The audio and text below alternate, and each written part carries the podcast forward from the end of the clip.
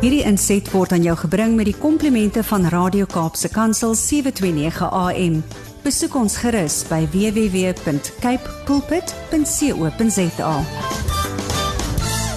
This is the voice of Johnny Lowe on the other side of the telephone, a passionate man that knows all about motivating and training and helping people to assess their knowledge and help them even to change their attitudes so they can be more uh, powerful in their calling and in the kingdom. Johnny Lowe, goeiemôre.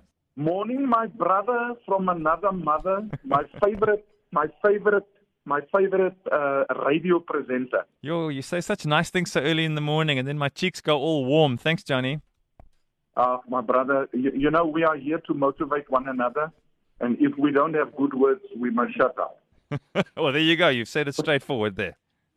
Yeah, my friend. So Johnny, help ons bietjie uit. Uh, Jy's nou daar besig in die Vrystaat. Wat gaan daar aan in jou hart en in jou kop? Wat kan jy met ons deel vanoggend?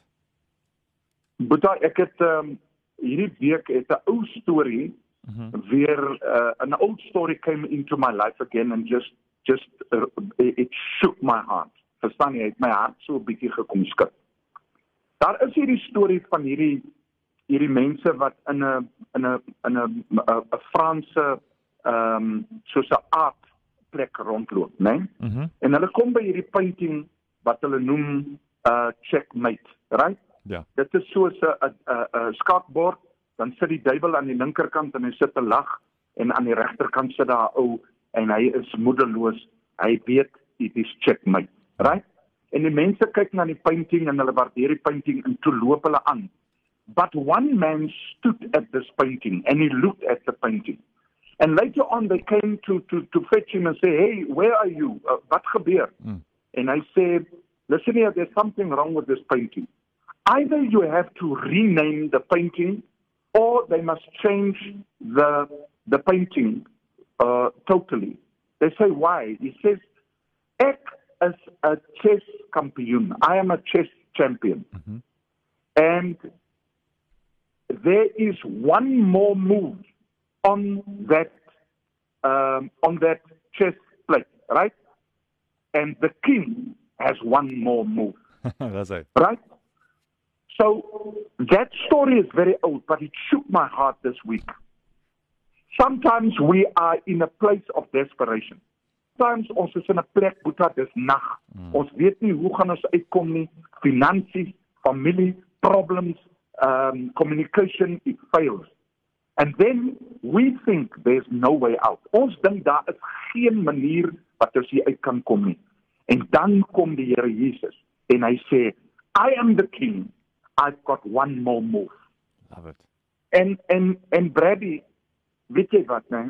We are all suffering. We are all going through a very cool, very difficult stage in our country. Okay? Mm. I'm sitting with precious people at this moment in a seminar. They are the people that is feeding this country and is helping to make our country a better place. But they are suffering, they are going through difficult times. And today, my message to them is don't give up. The King, Jesus Christ, is the judge, and he's got one more move. Whatever, maak nie saak waar jy is nie. Brady, if you are sitting, um, I'm thinking today of a friend of mine, sy naam is François. Hy het doem, doem nuus gekry Ja. dat daar's kanker, daar's leukemia en weet jy wat? He didn't take that word.